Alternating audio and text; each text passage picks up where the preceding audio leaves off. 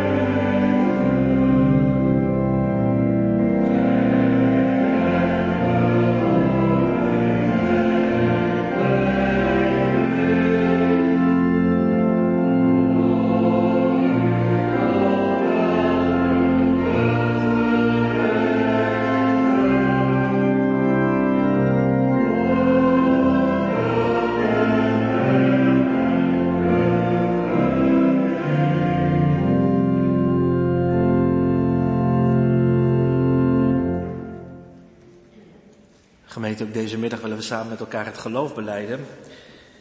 En het laatste artikel wat we samen beleiden, en ik geloof het eeuwig leven, en dat hebben we natuurlijk allemaal te danken aan het werk van onze Jezus Christus, maar daar eindigen we dus mee, ik geloof het eeuwig leven.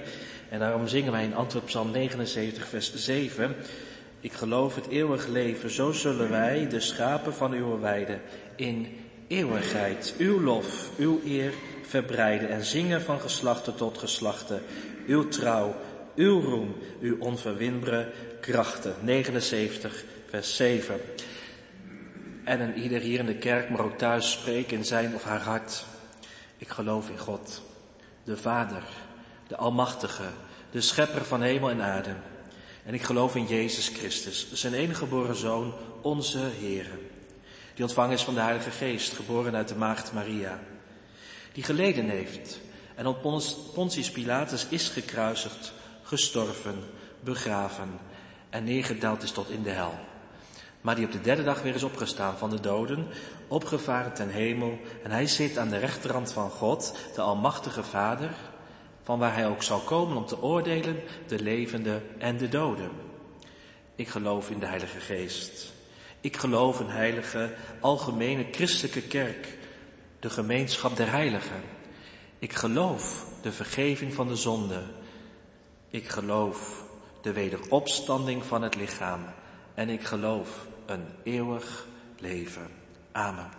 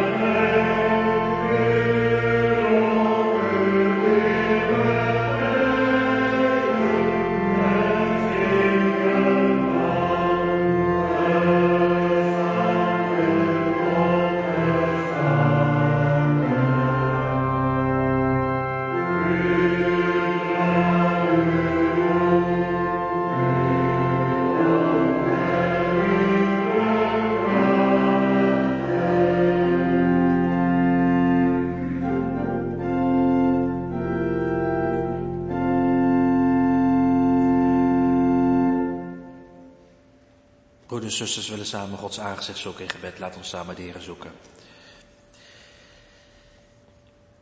Heer, heel veel dank dat we een woonplaats hebben, Assen, en in die woonplaats is een kerk.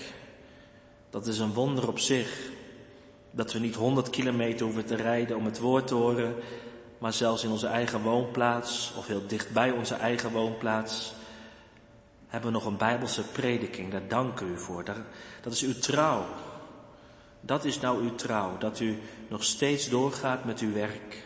Al is het klein, al is het teer. Maar zo is de kerk ook heel vaak. Klein. Bijna onzichtbaar. Maar u gaat door. Bijna in het onzichtbare. Gaat u door met mensen zalig te maken. Met mensen die niet meer gaan vertrouwen op zichzelf, maar die alleen nog maar vertrouwen op wat uit de mond van de Heer Jezus Christus komt. En geef, Heer, dat wij zo als schapen in de kerk mogen zitten, die heel wat stemmen horen, maar dan ineens de stem van de goede herder mogen horen en dat we die ene stem zullen vertrouwen. En al die andere stemmen, al klinken ze zo mooi en zo aanlokkelijk, dat we die stemmen maar voor laten voor wat het is. Want uiteindelijk bedriegen ze ons, uiteindelijk zijn het leugenaars maar Jezus niet. Want Jezus heeft gezegd, ik ben de weg, de waarheid en het leven. Niemand komt tot mijn Vader dan door mij. Wil geven dat er een goede ontvangst mag zijn tussen uw woord en ons hart. En dat wij gebouwd mogen worden in de liefde. Dat we gebouwd mogen worden in het geloof, in de hoop.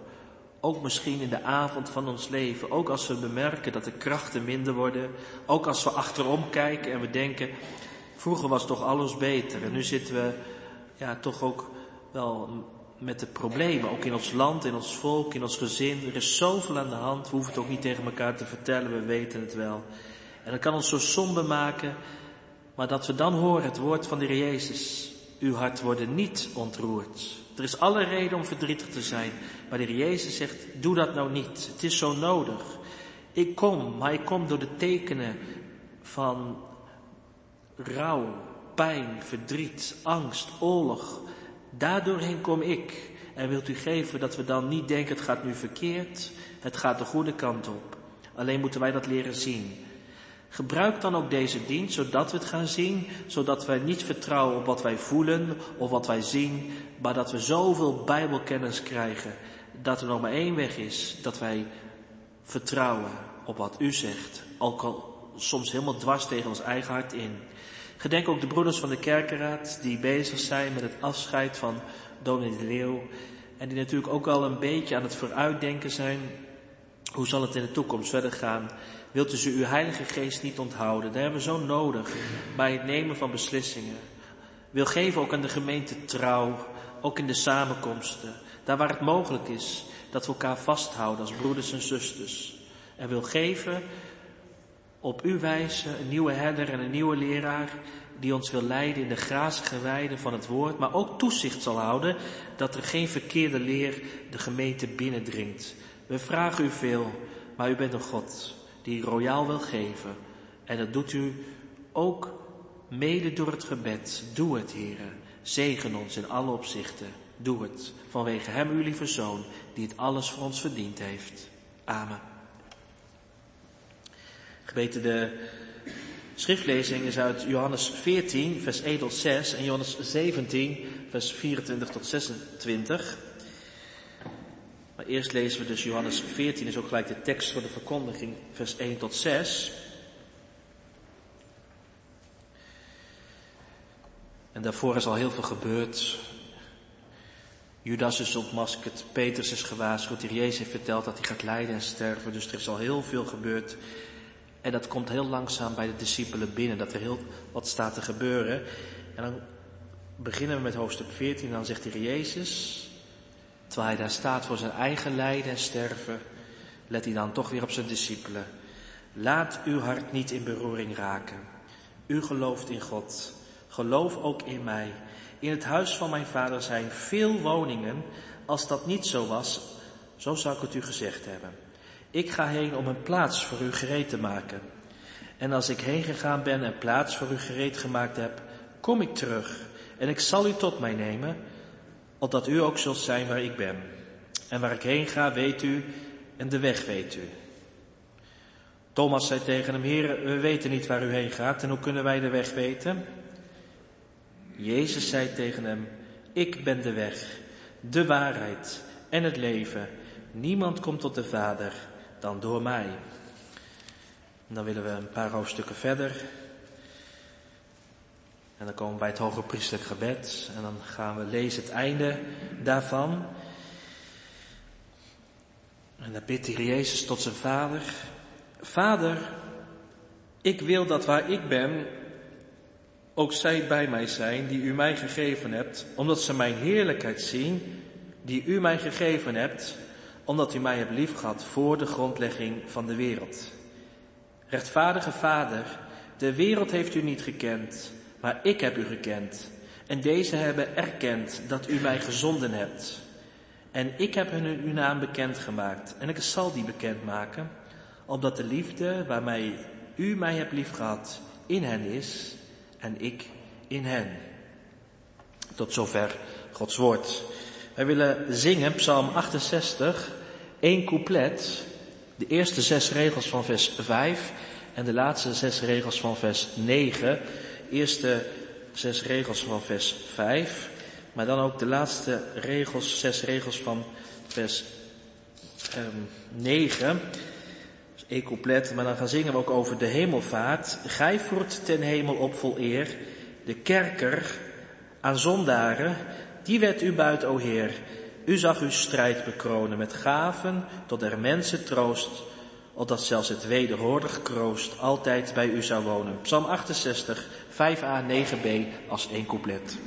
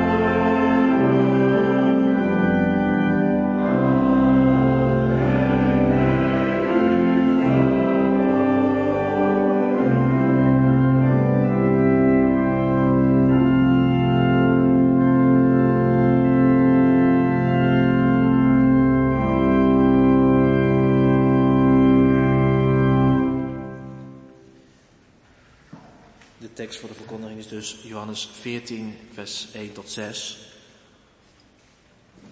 Johannes 14, vers 1 tot 6. Gemeente, wij voelen denk ik allemaal wel aan hier.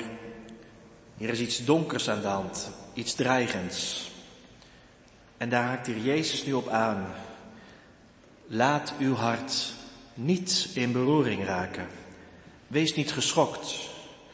Laat je niet in de war brengen door wat nu komen gaat. Drie jaar lang hebben de discipelen met Jezus opgetrokken.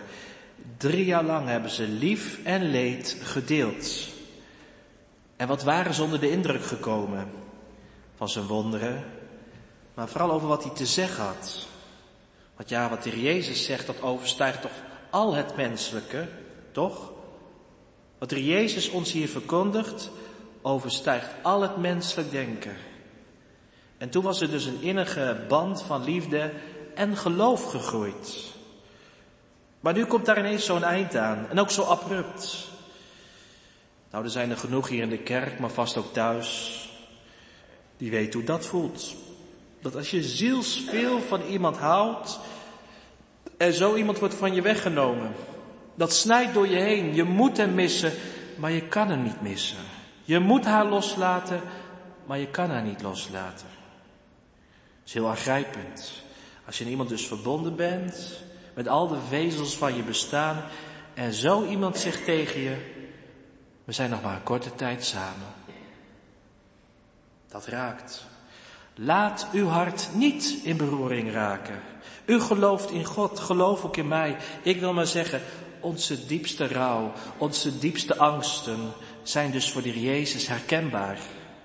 Geloof in mij, zoals jullie geloven in God. Vertrouw nu ook op mij. Zoals een vader dat kan zeggen tegen zijn kind. Het kind is helemaal van streek. Stil maar jongen, stil maar. Ik ben erbij, vertrouw maar op mij. En dat met een toon van geruststelling. Een toon die alle angst moet wegnemen. De Jezus formuleert zijn oproep ook in de voltooid tegenwoordige tijd. Met andere woorden, dat geldt nou altijd in elke bange situatie. Ook in de chaos van vandaag, daar hadden we het nog even over. Hè? De chaos van vandaag geldt ook in deze tijd. Laat uw hart niet in beroering raken. Geloof in mij, vertrouw op mij. Gemeente, het is natuurlijk heel erg dat we zo vaak letten op de dingen die alleen maar verkeerd gaan. En wat dan verkeerd gaat, dat we dat alleen maar vanuit onze invalshoeks gaan bekijken. Nou, daar hebben we natuurlijk allemaal last van. En de discipelen straks ook. Ze gaan het alleen maar van hun eigen invalshoek bekijken. Ze maken straks het verraad van Judas mee. Maar dan horen ze niet meer het woord van Christus. Vertrouw op mij. En als de Jezus straks wild wordt gegrepen door die bende met soldaten, maar hij dan nog in alle rust gebiedt, als u mij zoekt, dan beveel ik u deze te laten gaan maar Christus geruststellende woorden horen ze al niet meer. Want de angst is en de baas. En als ze dan Jezus zien hangen aan het kruis, ja, dan denken ze, het is echt over. Het is verloren. We zijn nu echt alles kwijt. Wat heeft het leven nog voor zin? Terwijl hij toch zo duidelijk had gezegd, laat uw hart niet in beroering raken. Gemeente, het is het enige medicijn tegen alle verwarring. Terwijl de bloeddruk wel eens omhoog stijgt, mogen we toch dit medicijn innemen. Niet op jezelf zien, niet op je droevige omstandigheden. Dan raak ik wanhopig. Vraag nu eens af aan uw eigen ziel, nu op dit moment hier in de kerk of thuis. Kunt u Jezus vertrouwen? Kunt u blindelings Jezus vertrouwen? Ja of nee? Doet God wat Hij heeft beloofd? Ik vraag u niet, doet de Heer graag wat ik wil? Dat vraag ik u niet. Want de Heer doet heel vaak niet wat ik wil, maar doet God wat Hij heeft beloofd? Of anders gezegd, weet u iemand te vinden die het anders heeft meegemaakt, die op die Jezus vertrouwde en toch teleurgesteld werd? Nou ja, Judas. Maar ja, Judas had Jezus ook niet lief. Die had het geld lief en die had de wereld lief. Kunt u iemand vertellen die op Jezus vertrouwde en die dan teleurgesteld werd? Zo klinkt het dus in de oren. Laat uw hart niet in beroering raken. En ze horen de woorden wel, maar het godswoord dringt niet door. Ze leven nog niet met dat stille vertrouwen in hun hart. Jezus benadrukt tegen zijn discipelen, geloof in mij zoals jullie geloven in God. Ik ben God. gelijk de Vader God is. Broeders, zusters, wat betekent het nou als dit nou eens concreet in ons doordringt? Welke conclusie mag ik trekken en u trekken dat Jezus God is? Dit. Jezus heeft de macht om alles waar te maken wat hij aan ons heeft beloofd. Hij heeft de goddelijke kracht om u en mij te bewaren bij zijn verlossing. Ik zal jullie beschermen en ik zal jullie bewaren. Vertrouw op God, vertrouw ook op mij. Als ik ga naar de hemel, ja, daarin kunnen jullie mij niet in volgen. Maar vertrouw nogthans op mij, ook als je me niet meer ziet. Ik kan vanuit de hemel en ik zal vanuit de hemel voor jullie zorgen. Ik laat jullie niet in de steek, al denk je soms van wel. Het is juist heel goed dat ik naar de hemel ga. Want dan zal ik de Heilige Geest sturen. Dat wil zeggen God zelf. God zelf komt in kracht in jullie wonen. En zo leren jullie ook volwassen te worden. Volwassen in het geloof, volwassen in het vertrouwen. Niet vanwege mijn wonderen, niet omdat je me ziet.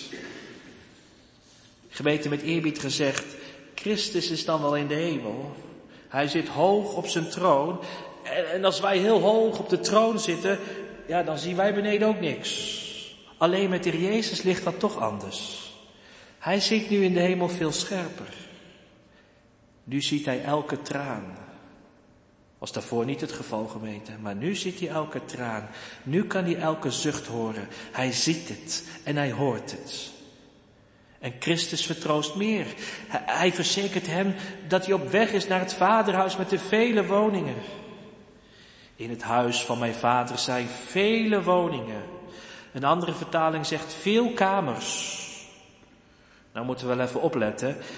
De Jezus spreekt hier een beeldtaal. Nou, dat doet de Jezus wel vaker, hè? beeldtaal. Het vaderhuis. Nou, wordt door de Jezus toch een tipje van de sluier opgelicht. Gemeente, want wij weten natuurlijk niet hoe het in de hemel zal zijn. Tenminste, ik denk dat niemand even kan zeggen hoe het in de hemel zal zijn. Maar hier wordt wel een tipje van de sluier opgelicht. Jezus spreekt er dus net genoeg over om bij u en mij het verlangen te wekken naar het vaderhuis. Wat is dat, het vaderhuis? Nou, dan denken wij vaak aan, aan een gebouw met steen. Als de Bijbel spreekt over een huis, dan is het meestal geen huis van steen. Als de Bijbel spreekt over het huis van de Vader, dan betekent dat eigenlijk in de eerste plaats familie, huisgezin. En alles wat bij dat gezin hoort en alles wat bij dat gezin past. Ik lees in Genesis 46, vers 31 dat Jozef zegt tegen de farao, mijn broers en het huis van mijn vader, dat in het land Canaan woonde, zijn naar mij toegekomen. Dat is dus familie met alles wat erbij hoort. Geweten, als er mensen in het Nieuwe Testament werden gedoopt, dan was dat nooit een individueel gebeuren. Van ja, nou, ik laat mij dopen. Een solo-actie. Van nou ja, ik laat even zien dat ik tot geloof ben gekomen. Nou ja, dat is echt iets van onze moderne tijd. Hè? Gemeente als in de Bijbel mensen werden gedoopt, dan ging heel dat gezin mee. Met de vader, kinderen, vrouw. Daar hoorde dus alles bij. Zelfs de slaven en de kinderen van de slaven. Dus het vaderhuis, dat moet je niet zozeer zien als een wooncomplex, maar als een woongebied waar veel mensen wonen. Het huis van mijn vader, dat wil zeggen alles wat bij God hoort en alles wat bij God past. Lijkt u dat wat? Kijk, als een van u een kamer zoekt en ik zeg tegen u, nou ja, ik woon in zo'n grote pastorie. In Oosterwolde hebben we een hele grote pastorie. Dan weet je echt niet meer van de ruimte. Denk, waarom moet ik zo'n grote pastorie? Maar goed, ze hebben me een grote pastorie gegeven. Ik heb nog wel wat kamers over. En u zoekt een kamer en dan zegt u tegen mij, ja maar wat kost dat? Hè? Wat kost dat? Is natuurlijk wel even goed om te weten. Dan zeg ik, nou u mag wel gratis bij mij wonen. En dan zal ik alle kosten betalen. En mijn vrouw zal voor het eten zorgen.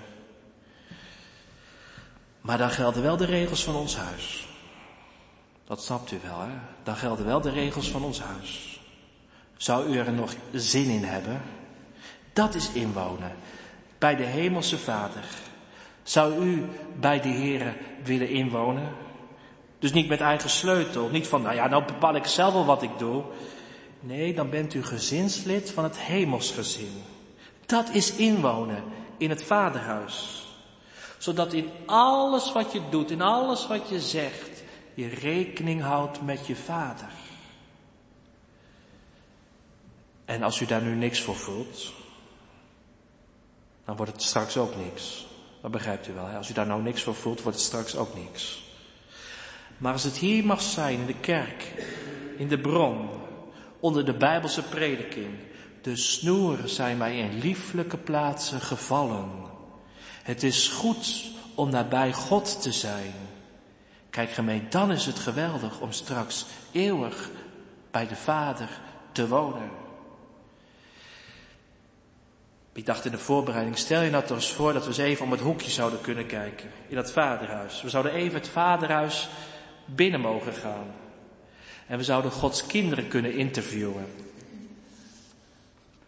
Dan is er niet één die tegen ons zegt, wat valt me toch wel wat tegen. Hun blijdschap zal dan onbepaald door het licht dat van zijn aanzicht straalt naar het hoogste toppunt stijgen. Mijn vraag is dus, vindt u het nu fijn om dicht bij de Heer te zijn? Vindt u het nu fijn om met de Bijbel bezig te zijn? Ik vraag u niet, wilt u graag naar de hemel? Maar dan gaan alle vingers wel omhoog hoor, gemeente, echt waar. En ook op straat. Als ik straks aan mensen op straat ga vragen, wil je naar de hemel? Nou, dan gaan ook wel vingers omhoog. Want iedereen, ja, iedereen wil wel naar de hemel.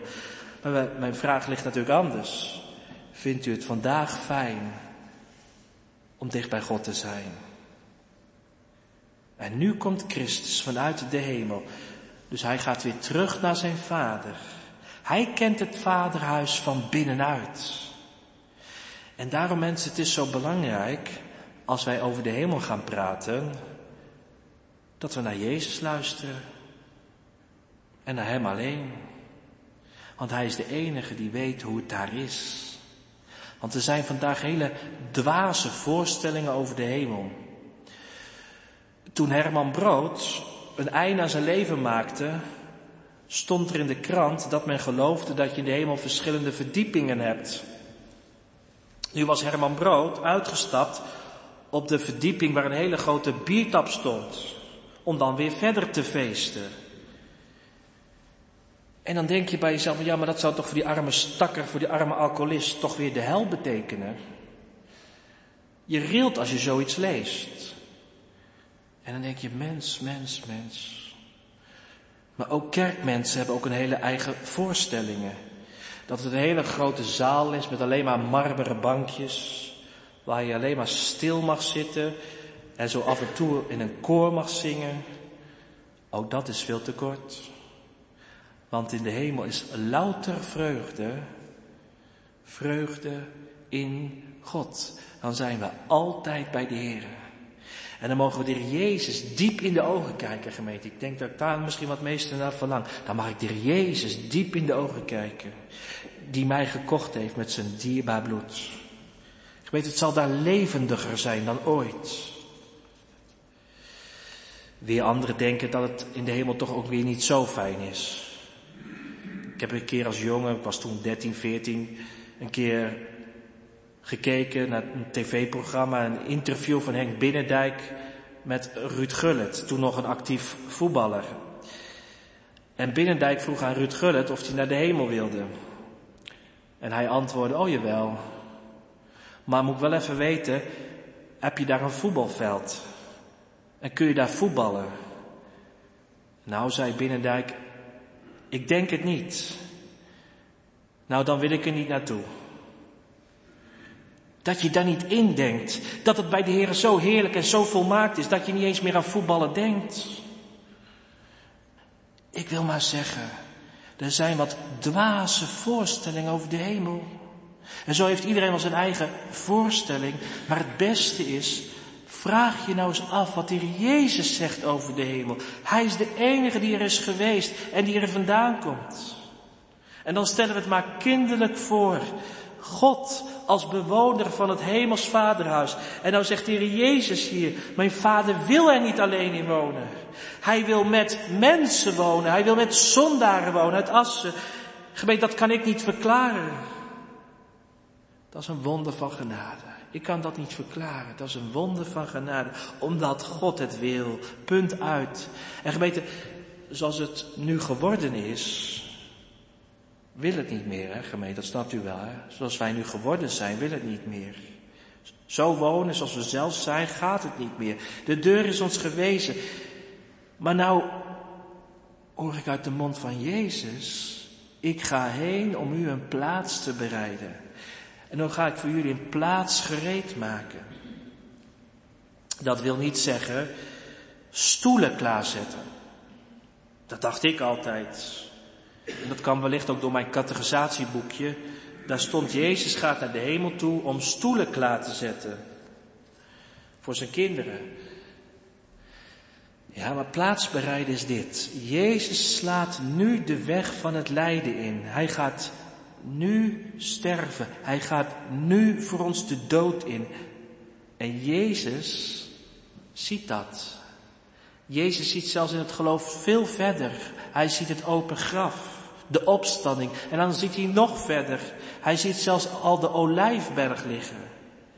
Waar de Vader hem glorieus binnenhaalt met hemelvaart. Dat is plaatsbereiden. Zo gaat hij voor ons plaatsbereiden. Nou, en voor wie doet de Jezus dat? Dat is natuurlijk wel even een goede vraag. Voor wie doet Jezus dat? Voor welke mensen? En nou, niet voor mensen die met duimen achter een bretels lopen. En vinden dat ze zo goed christelijk zijn. En vinden dat ze toch aardig netjes hebben geleefd en ieder het zijn hebben gegeven. Kom zulke mensen ook tegen en denk, oh, word wakker gemeente, word wakker. Christus heeft het gedaan voor mensen die God in het gezicht sloegen. Die de deur in het vaderhuis op slot zetten. Gemeente, ik vraag me dat wel eens af, hè, als ik op huisbezoek ga. Hebt u dat ooit wel eens tegen de Heer gezegd? Mevrouw zegt altijd, je moet er niet zo op letten als andere mensen gaan bidden, maar soms let ik daar wel op als familieleden bidden of vrienden bidden. Maar sommige mensen komen ook echt niet verder. Wilt u, wilt u, wilt u, wilt u. Dan denk ik, heb je nou niks meer te zeggen? Heb je geen zonde meer te beleiden? Het is allemaal wilt u, wilt u, wilt u. Maar hebt u ook nog eens gezegd, heren, nou heb ik die, die plaats verspeeld. Zo kom ik er niet meer in. Nou heb ik het vaderhuis niet meer verdiend. Wat gebeurt ook in de kerk zijn best veel mensen die denken dat ze zo, joep, zo rechtstreeks naar de hemel gaan. Hè? Ik heb goed mijn best gedaan, ik heb hard gewerkt, ik heb ieder het zijne gegeven. Ik maak me daar best wel eens zorgen over. Ook in Oosterwolde kom ik mensen tegen, die hebben 80 jaar in de kerk gezeten. En dan vraag ik aan hen, nou dan heb je nog 10 jaar of 20 jaar te gaan, weet je het al, weet u het al. Ik doe mijn best. Ik doe mijn best. Nou, ik weet niet hoe het u vergaat, maar dan krijg ik toch een dreun in je gezicht. Dan krijg ik echt een dreun in mijn gezicht en ben ik helemaal van slag. Denk ik, ik doe mijn best. Gebeten, sommigen denken weer dat het daarboven een hele grote familiereunie wordt. Zo hoor je daar ook wel eens over praten, een grote familiereunie. Dan zeggen ze, hij verlangde zo naar zijn vrouw. Dat kan natuurlijk heel teer zijn. Daar kom ik niet aan. Maar lieve mensen, waar vind ik zulke taal in de Bijbel? Waar halen we zulke gedachten vandaan? Ik denk toch dat het heel anders ligt. Het verlangen is toch om bij Christus te zijn. Om Hem in gerechtigheid te aanschouwen. Om dan eindelijk zondaar af te zijn. En weer tot je doel te komen. En gemeente op dat andere, over die familie, kom ik straks nog wel even op terug. Maar waar ik wel op door wil gaan, daar is dus een plaats vrij in dat vaderhuis. Voor u en mij. Maar gemeente ook voor mensen, alleen voor mensen, die hebben leren beleiden dat ze de plaats al duizend keer hebben verspeeld. Maar die ineens tot hun verbazing uit het heilige evangelie horen uit de mond van Christus. Ik ga heen voor u, voor jou, plaats maken. Kijk gemeente, dan worden we ook in deze kerkdienst gebracht bij die platte heuvel. Bij Golgotha. Hij voor mij. En dan kijk ik naar het kruis en ik hoop dat u met mij meekijkt naar het kruis. Als ik daar de Heer Jezus zie sterven. En dan zeg ik, al ziende naar dat kruis, zeg ik, Heer Jezus, stierf u daar voor mij? Ja. En als er dan nog iemand in verwarring is, hè. Iemand die bang is, zou er dan voor mij nog een plaatsje zijn? Nou, luister eens wat Jezus zegt. In het huis van mijn vader zijn vele woningen. Vele. Met nadruk legt Jezus het accent op veel. Daar is dus veel plaats. Straks, ik zeg dat altijd tegen mijn catechizanten, straks gaan die elf prutsers de wereld in. Hè? Ik vind altijd zo knap hè, hoe de Jezus het voor elkaar krijgt. Elf prutsers. En die gaan straks de hele wereld veroveren. Moet dus denken dat ik hier elf prutsers er bij elkaar pak en wij gaan de wereld veroveren. Dan zeg je, dat lukt toch niet? Maar die elf prutsers gaan de wereld in. Die gaan de wijde wereld in om het evangelie te verkondigen aan alle volken. En ze mogen verkondigen aan alle volken dat er een ruimte is en straks een menigte zal zijn die niemand tellen kan. Dus die discipelen hoeven niet te denken, oh, nu zijn we in Griekenland en straks willen we nog naar Italië, maar heeft het eigenlijk nog wel zin om verder te gaan? Zou in de hemel nog wel ruimte genoeg zijn? Is het niet vol daarboven? Vele woningen. Zolang het evangelie nog verkondigd mag worden, ook in 224, zijn er nog steeds plaatsen vrij. Niemand hoeft hier te denken, voor mij zal het toch niet zijn. Schitterend gemeente, dat vind ik schitterend. Vele woningen. Maar, ja, u en mijn hart kan zo verslagen zijn, zo somber zijn, dat de helft ons weer ontgaat. Zo ook Thomas. Thomas zegt in vers 5, Heren, wij weten niet waar u heen gaat. En hoe kunnen wij de weg weten? En als u weggaat, ben ik u wel kwijt. Thomas, als je hem tegenkomt in het evangelie, is zo gezegd de rationalist. En een ook nog van het zwaarmoedige soort. En wat is een rationalist? Die wil alles beredeneren. Misschien zitten die hier ook. Je maakt ze wel eens mee op een beleidnisgroep, hè. Dan heb je mensen, dat vind ik altijd de mooiste hoor. Dan heb je mensen die bij zitten in zo'n beleidingsgroep die geloven als een kind. Zo is het dominee, zo staat het in Gods woord. Ik mag nu wat categorisatie geven aan anders begaafden, maar ik vind het altijd een hele rare uitdrukking, want ik heb het gevoel dat die mensen beter begaafd zijn dan ik zelf. Die mensen die zeggen, dominee, het staat in Gods woord. Je hoeft niet bang te zijn. Dan denk ik, ja, dan zitten wij maar vaak bang te zijn. Dan kom je bij die anders begaafd en denk nou, die mensen zijn veel beter begaafd. Zo staat het. En de Heer bedriegt ons niet. Daar kun je op aan.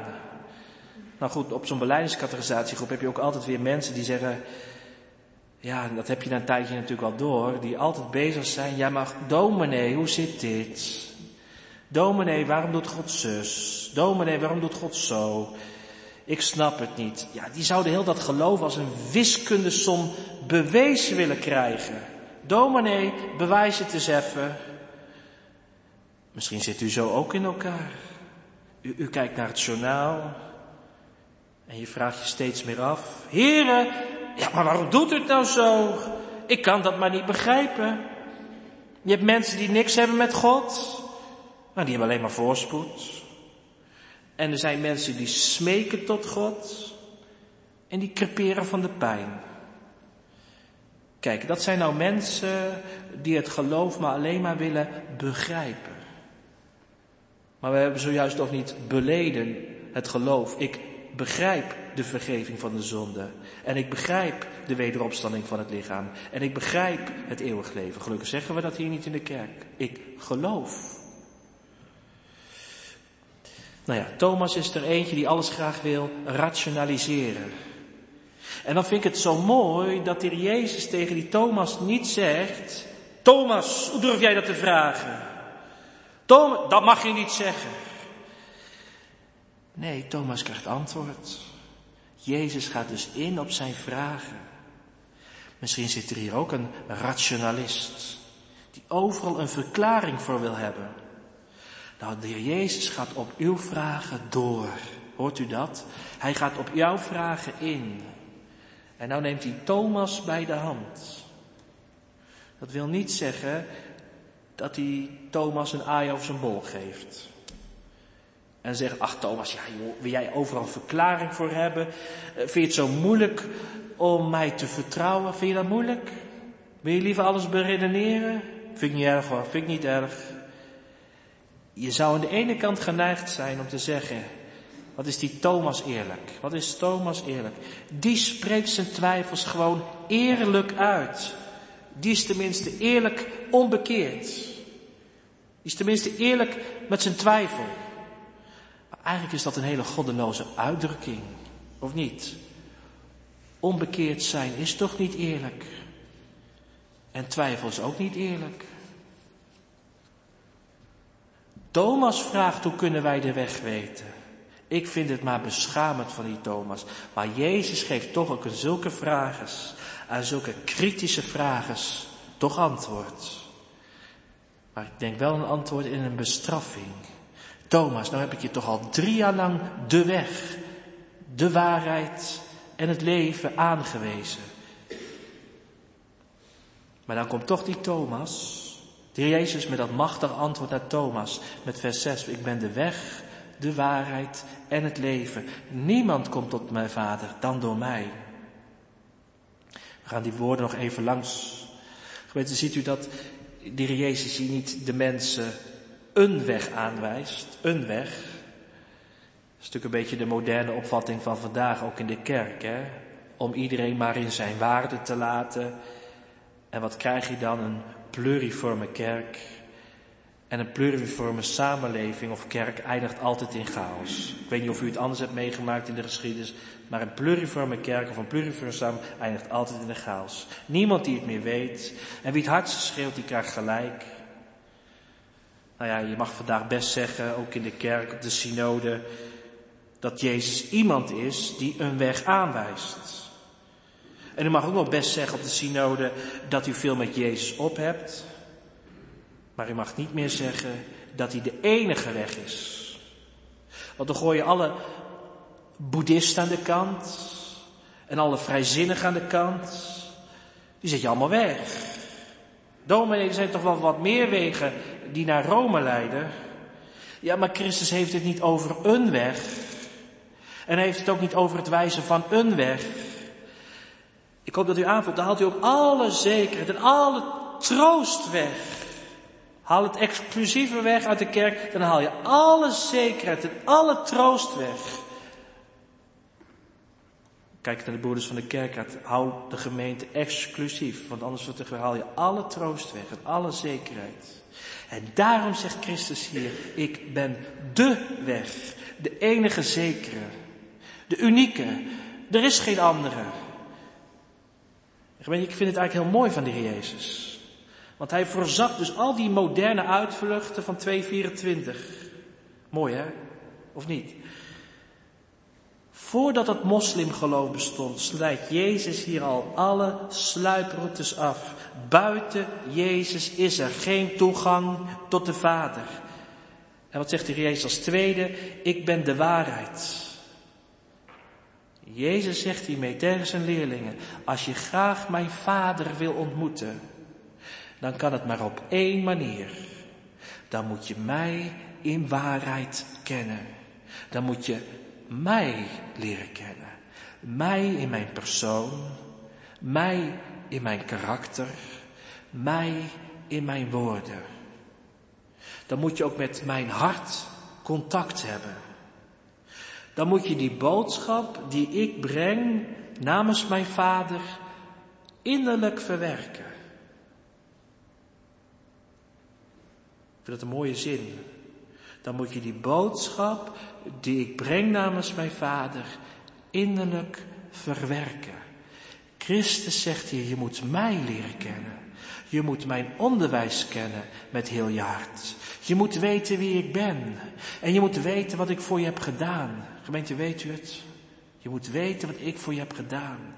Je moet weten waarom ik kwam naar de aarde. En je moet weten waarom ik ging naar het kruis. Niemand komt tot het leven. Niemand komt tot de Vader via mij. Gemeente, dat geldt voor heel de wereld. Er is maar één waarheid. En dat is Christus. Daarom ga ik u echt niet vragen. U doet toch wel goed uw best.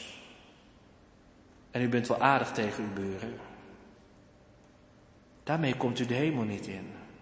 Het is die vrouw, ik kom er helaas heel wat tegen in de gemeente, die tegen me zegt, dominee, ik doe goed mijn best. Maar daarmee komt u de hemel niet in hoor, door goed uw best te doen. Sommige mensen denken dat hij was altijd zo aardig. En de oma was zo goed voor de kleinkinderen, zorgde altijd zo goed voor de kleinkinderen. Daarmee komt u de hemel niet in. Het ligt persoonlijker, scherper. Als u niet persoonlijk gelooft in de Jezus Christus, in de waarheid. Als u niet persoonlijk Christus kust, kent u de waarheid niet eens. En dan heb je het leven niet. En dan zit je nog op een doodlopende weg. Kom je niet in het vaderhuis. Geweten, ik weet niet of u wel eens twijfel hebt gehad. Ik heb dat nog wel. Ik had het vroeger wat sterker. Vooral door mijn studie theologie kwam ik in aanraking met best veel meningen. Ook met veel dwalingen, want u weet, op de protestantse universiteit lopen heel wat docenten rond. Nou, er lopen zelfs atheïsten rond. Dus ja, nou ja, dan kwam ik in contact met professoren die het allemaal beter wisten dan de Bijbel zelf. En toen dacht ik wel eens, zouden al die intelligente mensen dan toch geen gelijk hebben? Zou er niet wat in zitten? Misschien zitten er hier ook wel in de kerk mensen die denken, ja dominee, jij, jij kunt preken wat je wil, maar maak de waarheid nou niet zo exclusief. Dat is niet meer van deze tijd. Ja, maar die Jezus heeft die ellende al lang voorzien. Jezus voorzag dus al lang de ellende van een ex-inclusieve kerk. Die zag hij in de verte al aankomen en hij vangt ze hier al op. En dan zegt hij hier, ik ben de waarheid. Ik ben de betrouwbare. Je kunt op mij aan. Gemeente, het wil ook zeggen, alles wat mij de wereld aanbiedt is een leugen. Er is maar één waarheid en er is maar één werkelijkheid. En dat is Christus. En verder gemeente is alles leugen, bedriegt ons. Geeft mij geen kompas. Dat bedoel ik eigenlijk mee te zeggen, geef mij geen kompas. God is de waarheid. Dat wil zeggen, Christus is de enige waarheid waar je op kunt leunen. En nou gaan we even dieper spitten. Even dieper spitten. Even dieper nadenken in de preek. Deze tekst brengt ons toch in de sfeer van een rechtbank. Sinds Christus naar de hemel is, heeft hij een geding, een rechtsgeding met de wereld, met de duivel. Door middel van deze tekst daagt Christus heel de wereld voor zijn rechtbank. En wat is het geding wat Christus met de wereld heeft? Nou zeg ik het eigenlijk heel simpel, dat zelfs het kleinste kind het zou kunnen begrijpen. Wat is het geding? Is die waarheid ook innerlijk verwerkt? Heb ik plaats in jouw hart? Ben jij al geborgen in mijn bloed? Dat is de waarheid gemeente. Ben jij al geborgen in het bloed? We volgen het wereldnieuws. We volgen de politiek. Dat was ook weer een hele mooie week van politiek gemeente. We volgen het weer met aandacht. En ik denk wel eens met veel en veel te veel aandacht. Maar goed, je ziet heel dat wereldgebeuren. Maar wij mogen weten, hier in Assen gemeente, wij mogen weten, dwars daar doorheen gaat het maar om één ding. Het rechtsgeding dat Christus met deze wereld heeft. Het gaat in wezen maar om één zaak in deze wereld. Of je bent in Christus, of je bent tegen Christus. En de rest doet niet eens mee. De rest is bijzaak. Is wel eens even goed om dat te beseffen, gemeente. Is heel goed om te beseffen. Dat relativeert ook een hoop. Ook dingen van onszelf. Als we onszelf zo belangrijk vinden, gemeente, en wat wij denken, wat wij presteren. Het gaat maar om één ding. En Christus vraagt in dat rechtsgeding, je bent dus voor mij of je bent tegen mij. Je bent voor de waarheid of tegen de waarheid. Gemeente, wat is het leven? Ik kijk naar de ouderen. Wat is het leven eigenlijk? Iedereen vecht maar met elkaar. Nou, dat is niks veranderd met 60 jaar geleden of 70 jaar. Iedereen vecht maar met elkaar en iedereen twist met elkaar. Maar weet je al wat het doel is van uw leven, gemeente? Ik vraag, ik vraag dat ook wel eens aan, aan mijn kattegezanten. Waarom loop je eigenlijk op deze aarde rond, gemeente? Weet u het al, waarom u op deze aarde rondloopt? Waarom lopen we hier rond? Dus we worden door Christus hier voor de rechtbank gedaagd. En dan zegt Christus, op mij kun je aan. In mij vind je het leven. Wat wil dat zeggen? Nou gemeente, als Hij het leven is, dat wil zeggen dat als je nou een kind van God bent en je zit in China, hè, en je woont in China, je zit daar in een gevangenis. En je wordt gemarteld door politieagenten. Maar dat je gemarteld wordt is in feite nog niet het ergste. Want je hebt deel aan het leven. Je hebt deel aan de heerlijkheid van Christus. En nou zeg ik het heel kras, heel cru bijna. Maar laat ik dan maar invalide door de wereld gaan. Met de grootste nood. Laat ik dan mijn kinderen maar verliezen aan deze wereld. En er zitten hier ouders die hun kinderen verloren hebben aan de wereld. En elke dag doet het je pijn. Hè? Elke dag doet het je weer pijn. Uw kind verloren aan de wereld. Maar ik hoop dat u me begrijpt. Maar een kind van God mag zeggen, als ik van Christus ben, dan ben ik in het leven. Er is maar één weg tot de Vader. En dat is Hij, die gezegd heeft, ik ben de weg, de waarheid en het leven. Kom gemeente, laten we Jezus volgen, ook in de chaos van het leven, maar laten we Jezus toch volgen. Laten we Hem volgen, die ons kan brengen bij de Vader. En dan zullen we altijd bij de Heer zijn. En nou in ieder voor zich. Ik zou ze zo willen aanwijzen, maar nou in ieder voor zich. Ik kan mij niemand anders voorstellen met wie ik in de eeuwigheid het liefst zou willen zijn dan met de Jezus. U ook? Ik kan mij niemand beter bedenken met wie ik de eeuwigheid wil doorbrengen dan met de Jezus. Om samen met Jezus te spreken over de liefde die zijn vader bewoog. En als ik dit gezegd heb, zeg ik er nog een klein dingetje bij. Niet het belangrijkste van de preek, maar ik zeg het er wel bij. En wat zal het dan straks heerlijk zijn in dat vaderhuis, als we daar anderen tegenkomen, die ook hun vertrouwen op deze borg hebben gesteld, die hun hel alleen van Christus moesten hebben. Gemeente, dan zullen we straks broeders en zusters ontmoeten, die ook de weg van het lijden zijn ingegaan. En die ook in dat lijden op Hem hebben vertrouwd. Dan zullen we zijn met Abraham, Isaac en Jacob. Gemeente, denkt u daar wel eens aan?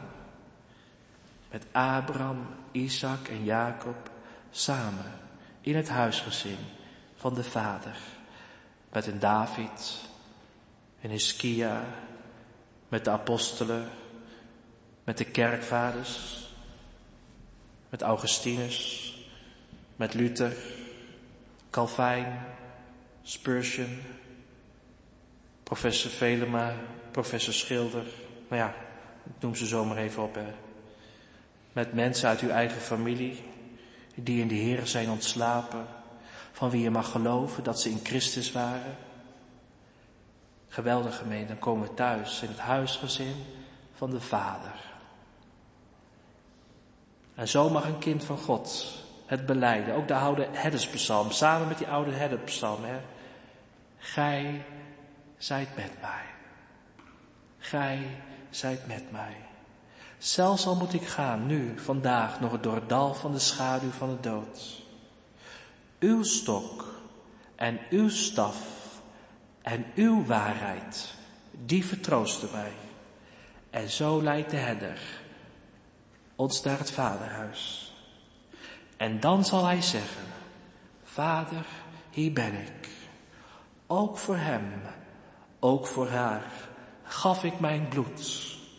Vader, ik wil dat waar ik ben, ook zij bij mij zijn, die u mij gegeven hebt, zodat ze mijn heerlijkheid zien, die u mij gegeven hebt. Halleluja. Amen. Geweten, we gaan die herderspsalm zingen, die oude herderspsalm, psalm 23, 2 en 3.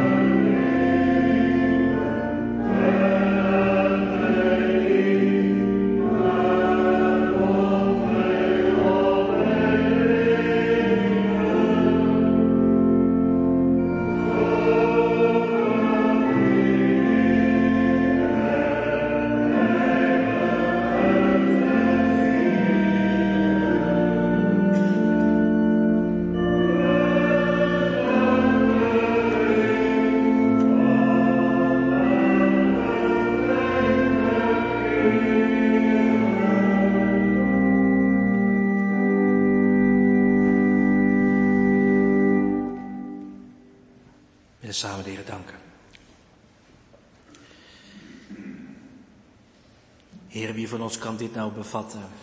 Dat u nou zulke mensen zoals wij zijn tot u wil nemen. Mensen die vaak zo druk bezig zijn met zichzelf, ook naar ontvangen genade. Maar Heer, geef dat het ieder mag zeggen.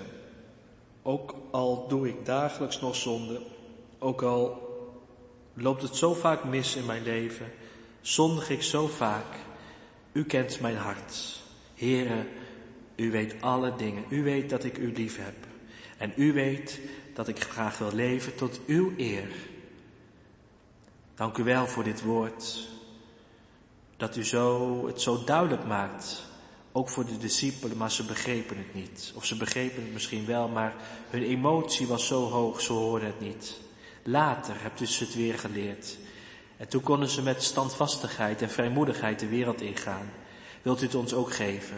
U bent dezelfde God die het kan maken dat niet de angst het voor het zeggen heeft, maar uw woord. En het vertrouwen op uw woord. En dat we weten, ook die moeilijke dingen, ook die onbegrijpelijke dingen van vandaag, ook in ons gezin, al die dingen moeten medewerken ten goede voor degenen die in Christus Jezus zijn. En geef, heren, dat we dan zo steeds weer leeg bij u komen, om steeds weer gevuld te worden met Bijbelwoorden, met uw Heilige Geest, met kracht, met liefde en hoop. Wil zo deze uw gemeente bewaren. Geef dat op de dag van de wederkomst er een gemeente gevonden wordt die wakende is, die niet uw komst overvalt, maar die ook weet dat ze klaar moeten staan om de Jezus Christus te ontvangen. Ik kom weer terug, zo hebt u het gezegd tegen uw discipelen. En wat u doet, wat u belooft, dat doet u. Geef, heren, dat we erop letten. En dat we waakzaam zullen blijven, want we kunnen zo indutten. We kunnen zo slaperig worden. We kunnen zo lauw zijn. Maar wilt u dan ons weer wakker schudden, opschudden? En wilt u dat gezapige wegnemen in ons leven? Dat, dat gezapige in een kerk, hier dodelijk is dat. Als een kerk gezapig wordt. Waar de vakanties belangrijker zijn. En de dingetjes die in de politiek gebeuren ons meer bezighouden dan het woord van u. Maar geef dat het woord van u alles bepalend wordt in ons doen en laten en dat we zo mogen leven naar het Vaderhuis, om dan eeuwig te genieten van u en dan zonder af te zijn, om dan altijd u weer te bedoelen, zoals het was in de beginnen.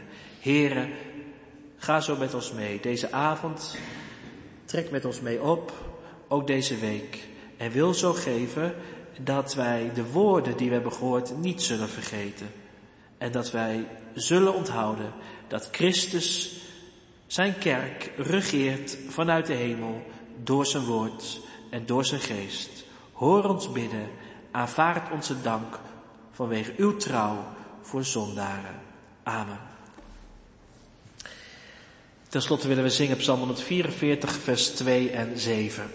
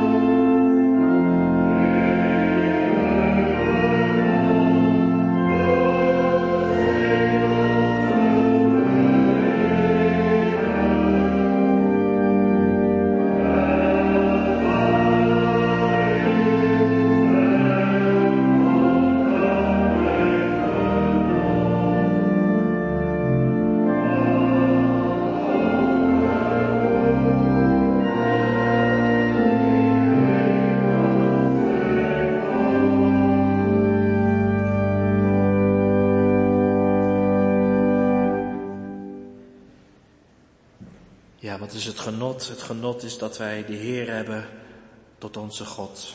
Gemeente gaat u zo heen in vrede, met u dragend zijn zegen. De genade van de Heer Jezus Christus en de liefde van God de Vader en de gemeenschap van de Heilige Geest zijn met u allen. Amen.